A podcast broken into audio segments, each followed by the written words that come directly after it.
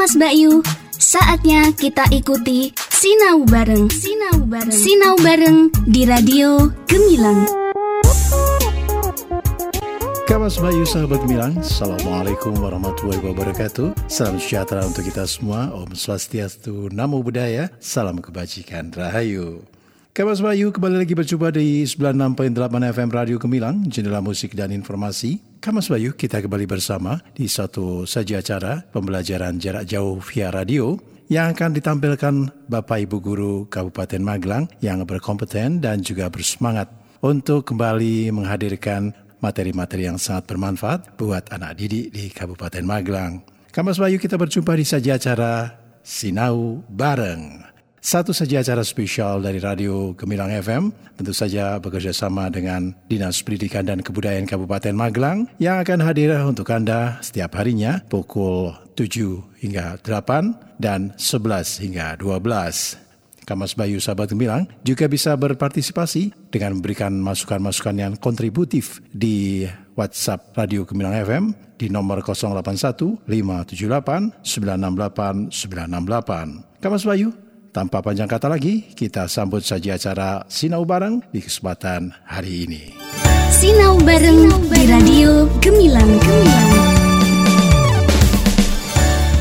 Assalamualaikum warahmatullahi wabarakatuh. Dari 96.8 Gemilang FM, Jendela Musik dan Informasi. Kita bertemu lagi dalam acara pembelajaran jarak jauh pelajaran IPS. Bagaimana kabar anak-anak hebatku kelas 7 hari ini? Semoga kabar baik ya dan tetap semangat belajar demi masa depan Gemilang. Jangan lupa patuhi protokol kesehatan pencegahan COVID-19. Selama 25 menit ke depan, kita akan melanjutkan pembelajaran ilmu pengetahuan sosial bersama Pak Guru dalam acara kesayangan pelajar hebat Kabupaten Magelang. Nah, untuk mengawali kegiatan pembelajaran, marilah kita berdoa agar diberi kemudahan dalam menuntut ilmu. Berdoa dimulai. Selesai. Masih di program pembelajaran jarak jauh, Gemilang FM. Anak-anak hebatku serta sahabat Gemilang, kalian sudah melaksanakan PTS belum? Semoga mendapatkan hasil yang terbaik ya.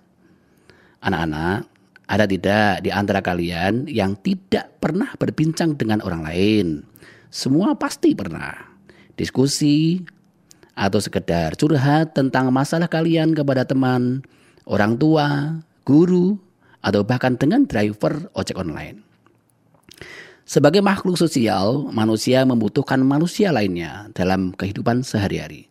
Contohnya, ketika sedang drop karena nilai-nilai mata pelajaran rendah, pastinya temanmu adalah tempat yang pas untuk mencurahkan hati dan perasaan untuk kemudian mendapatkan saran. Nah, kali ini Pak Guru akan menjelaskan materi mengenai interaksi sosial. Materi ini dapat menambah wawasan dan ilmu pengetahuan.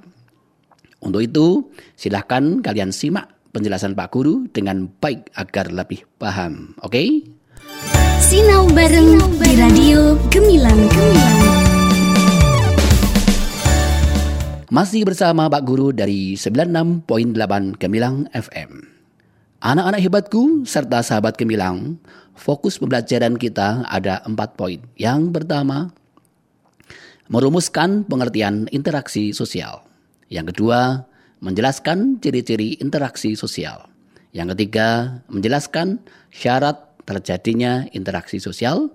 Yang keempat, mengidentifikasi faktor pendorong interaksi sosial. Yang kelima, menjelaskan bentuk-bentuk interaksi sosial. Perlu kalian ketahui bahwa yang dimaksud dengan interaksi sosial adalah hubungan timbal balik antara individu dengan individu, individu dengan kelompok atau kelompok dengan kelompok. Interaksi sosial terwujud dalam aksi dan reaksi. Berikut ini Pak Guru paparkan interaksi sosial menurut para ahli. Yang pertama, menurut Suryono Sukanto. Interaksi sosial yaitu hubungan-hubungan sosial yang dinamis, yang menyangkut hubungan antara orang per orang, antara orang dengan kelompok atau kelompok dengan kelompok. Yang kedua, menurut Kimbel Yang. Interaksi sosial merupakan hubungan sosial yang dinamis antara individu dengan individu, individu dengan kelompok, dan kelompok dengan kelompok. Masih dari Gemilang FM dan masih bersama Pak Guru. Semoga masih semangat menyimak penjelasan Pak Guru. Oke? Berikut ini adalah ciri-ciri interaksi sosial. Yang pertama, ada pelaku dengan jumlah lebih dari satu orang. Proses interaksi sosial tidak dapat terjadi ketika hanya terdapat satu orang. Proses interaksi sosial baru akan terjalin ketika terdapat individu yang berinteraksi dengan individu lainnya. Jadi yang kedua, ada komunikasi antar pelaku dengan menggunakan simbol-simbol. Proses interaksi sosial melibatkan komunikasi yang dijalin oleh individu atau kelompok tidak hanya secara lisan, akan tetapi komunikasi dapat dilakukan dengan menggunakan simbol-simbol tertentu melalui gestur tubuh atau isyarat. Yang ketiga, ada dimensi waktu. Masa lampau, masa kini, dan masa mendatang yang menentukan sifat aksi yang sedang berlangsung. Proses interaksi sosial melibatkan dimensi waktu yang terjadi. Artinya, interaksi sosial pernah terjadi di masa lampau, interaksi sosial dapat terjadi di masa kini, dan pada masa yang akan datang, interaksi sosial juga terjadi. Yang keempat, ada tujuan-tujuan tertentu. Para pelaku memiliki tujuan dalam menjalin interaksi sosial. Misalnya, di pasar terjadi interaksi antara penjual dan pembeli. Pembeli memiliki tujuan untuk mendapatkan suatu barang yang ia butuhkan dalam berinteraksi dengan penjual. Sementara penjual memiliki tujuan untuk menawarkan barang hingga terjual kepada pembeli dalam berinteraksi. Masih dalam program pembelajaran jarak jauh dari Gemilang FM. Anak-anak hebatku tetap semangat belajar ya. Selanjutnya isyarat syarat interaksi sosial adalah menurut Gilin menyatakan bahwa interaksi sosial terjadi jika memenuhi dua syarat yaitu kontak sosial dan komunikasi. Nah, yang dimaksud kontak sosial adalah hubungan antara satu pihak dengan pihak lainnya. Hal tersebut merupakan awal terjadinya interaksi sosial. Di mana masing-masing pihak saling bereaksi meski tidak harus bersentuhan secara fisik. Sederhananya, kontak sosial adalah sebuah cara yang dilakukan seseorang dalam proses interaksi sosial. Kontak sosial dibedakan menjadi dua. Satu, kontak sosial langsung atau kontak sosial primer merupakan hubungan timbal balik antar individu atau antar kelompok yang terjadi secara fisik atau tatap muka.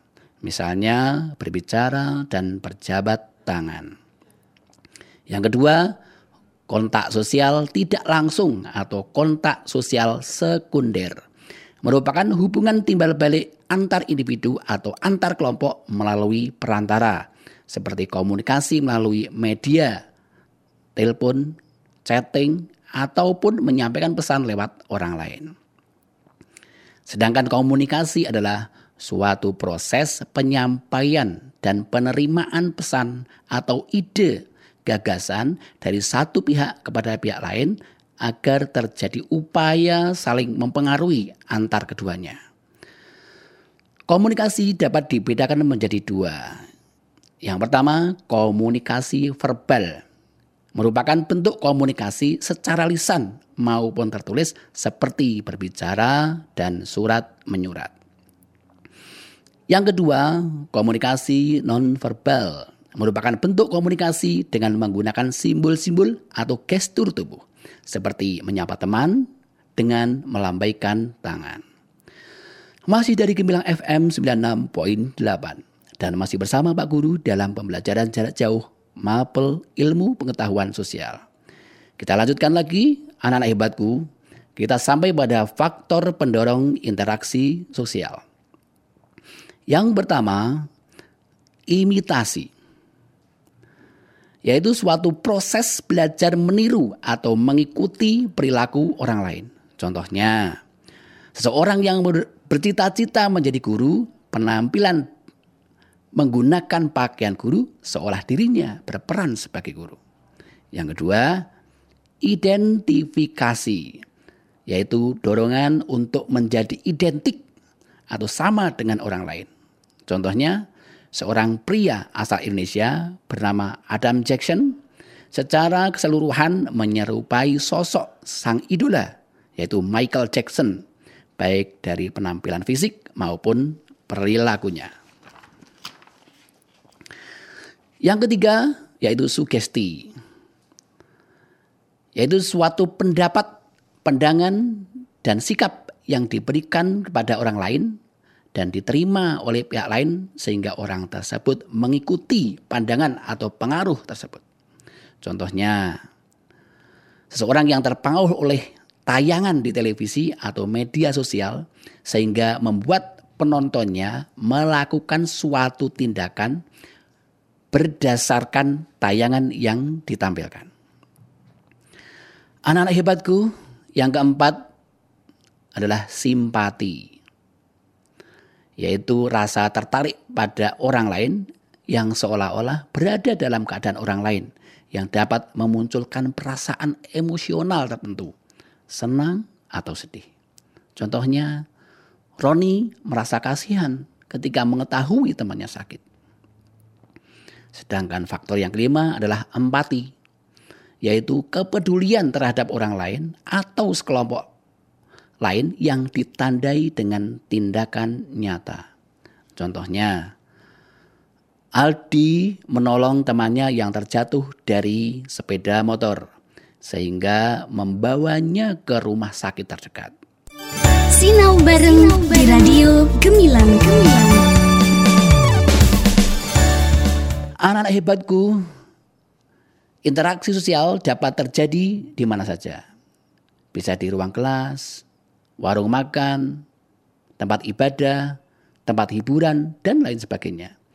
Dengan mengetahui dan mempelajari pengertian interaksi sosial serta ciri-ciri dan faktor pendorongnya, diharapkan para siswa semuanya dapat menentukan bentuk interaksi sosial seperti apa yang ideal dan yang positif. Masih dari Gemilang FM bersama Pak Guru, anak-anak hebatku, serta sahabat Gemilang FM, sampailah kita pada bentuk interaksi sosial. Seperti yang kita tahu, yang namanya interaksi sosial pasti dapat dengan mudah kita temui di kehidupan sehari-hari. Baik itu di sekolah, di tempat pertemuan, di rumah, atau tempat-tempat lainnya. Misalnya ketika, ketika kalian mendapat tugas kelompok dari guru, tanpa disadari proses mengerjakan tugas dalam kelompok merupakan salah satu bentuk interaksi sosial.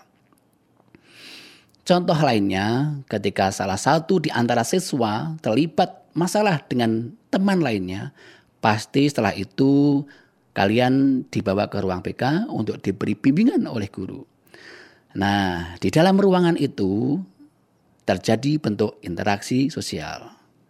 Oke, agar kalian lebih paham tentang bentuk-bentuk interaksi sosial, kalian bisa simak dengan seksama penjelasan berikut ini. Sebenarnya interaksi sosial yang terjadi di dalam masyarakat bisa menghasilkan pola-pola atau bentuk hubungan yang dapat mempererat dan mengubah kondisi masyarakat tersebut. Kalian dalam kajian sosiologi, interaksi sosial dapat berbentuk asosiatif dan disosiatif. Asosiatif adalah bentuk interaksi sosial positif yang mengarah pada kesatuan. Ingat ya, begitu mendengar kata asosiatif, yang terbayang adalah kegiatan-kegiatan yang bersifat baik. Bentuk interaksi sosial asosiatif berupa kerjasama, akomodasi, asimilasi, dan akulturasi. Sinau bareng di radio Gemilang Gemilang. Kita bahas satu persatu. Kerjasama pastinya sudah tidak asing dengan kata kerjasama. Kerjasama bukanlah suatu usaha untuk melakukan siulan-siulan kecil, menendang kaki kursi teman di depan, dan menggunakan kode-kode jari untuk menentukan mana jawaban A, jawaban B, C, dan D. Bukan. Itu kerjasama yang tidak baik. Kerjasama secara istilah berarti suatu usaha yang dilakukan bersama antara individu atau kelompok tujuannya untuk mencapai satu tujuan atau beberapa tujuan bersama. Yang kedua adalah akomodasi. Berbeda dengan kerjasama, ya akomodasi adalah upaya yang dilakukan untuk menyelesaikan suatu pertikaian atau konflik oleh pihak-pihak yang bertikai. Untuk apa? Yang jelas untuk meredakan pertentangan tersebut. Lalu terciptalah sebuah kestabilan. Nah, akomodasi sebagai proses sosial juga memiliki bentuk-bentuk di antaranya koersi. Koersi adalah bentuk akomodasi yang pelaksanaannya dengan menggunakan paksaan, ancaman, tekanan maupun kekerasan. Kalian sering lihat pengemis atau pedagang asongan yang digusur secara paksa oleh Satpol PP dan Dinas Sosial itulah salah satu contohnya. Yang kedua adalah kompromi. Kompromi adalah bentuk usaha dalam meredakan masalah melalui pengurangan tuntutan.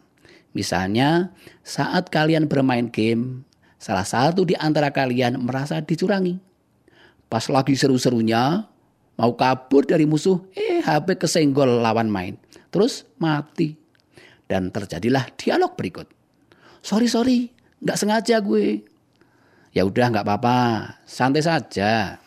Begitu lanjut main, oh internetnya disconnect. Bagian santai aja, itulah yang dimaksud dengan kompromi. Selanjutnya adalah konsiliasi. Konsiliasi adalah usaha yang dilakukan pihak tertentu untuk mempertemukan keinginan kedua belah pihak yang berkonflik sehingga dapat menyelesaikan masalah. Misalnya ada dua ibu yang berebut satu unting kangkung. Lalu pedagang melerai dan membagi dua kangkung tersebut. Maka kedua ibu tadi sama-sama mendapatkan kangkung yang diinginkan. Selanjutnya arbitrasi. Arbitrasi terjadi ketika pihak ketiga membantu meredakan pertentangan yang memiliki kedudukan lebih tinggi dan dapat memberikan keputusan yang mengikat pihak-pihak yang berkonflik. Contohnya, guru BK memberi hukuman kepada kedua murid yang bertengkar atau berkelahi. Yang selanjutnya adalah mediasi. Berbeda dengan arbitrasi yang dilakukan oleh pihak ketiga sebagai mediator atau hanya sebagai penasehat. Tapi keputusan akhir tetap dikembalikan kepada kedua pihak yang berkonflik. Contohnya, Pak RT memberikan nasihat kepada tetangga yang bertengkar. Selanjutnya adalah adjudikasi. Adjudikasi merupakan proses penyelesaian masalah melalui meja hijau atau jalur hukum. Contohnya, hakim memberi sanksi kepada seorang koruptor. Selanjutnya adalah asimilasi. Asimilasi merupakan pencampuran dua kebudayaan yang melebur menjadi satu kebudayaan baru. Selanjutnya adalah akulturasi. Akulturasi adalah penerimaan segala unsur-unsur baru menjadi suatu kebudayaan baru tanpa menghilangkan unsur lama. Contohnya, bangunan Masjid Kudus mencerminkan adanya interaksi budaya Jawa, Hindu, dan Islam.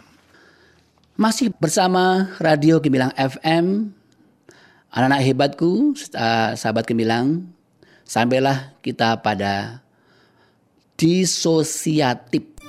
Sinau bareng di Radio Gemilang Gemilang. Disosiatif lebih mengarah kepada perpecahan baik individu maupun kelompok. Artinya berkebalikan dari asosiatif. Disosiatif ini identik dengan hal-hal negatif. Adapun bentuk-bentuk dari disosiatif meliputi persaingan atau kompetisi, kontravensi, dan pertentangan atau konflik. Persaingan atau kompetisi. Wah, pasti tahu ya, persaingan merupakan suatu proses sosial di mana individu atau kelompok manusia yang bersaing mencari keuntungan melalui bidang-bidang kehidupan untuk menggunakan ancaman kekerasan. Misalnya, kompetisi sepak bola pada Piala Dunia. Kalau untuk para siswa, persaingan dalam prestasi akademik atau non-akademik. Berikutnya, kontravensi. Meskipun terasa asing, tapi bisa dipastikan para siswa semuanya dan sahabat gemilang pernah melakukan kontravensi. Kontravensi merupakan suatu perasaan tidak suka tapi yang disembunyikan. Ini mungkin mirip dengan iri atau dengki ya. Nah, biasanya orang yang sedang melakukan kontravensi akan lebih sering ngomong dalam hati. Selanjutnya pertentangan atau konflik Konflik adalah proses sosial yang dilakukan individu atau kelompok dalam mencapai tujuannya disertai dengan paksaan atau kekerasan. Pertentangan terjadi disebabkan oleh adanya perbedaan antar individu, perbedaan kebudayaan, perbedaan kepentingan, dan perubahan sosial.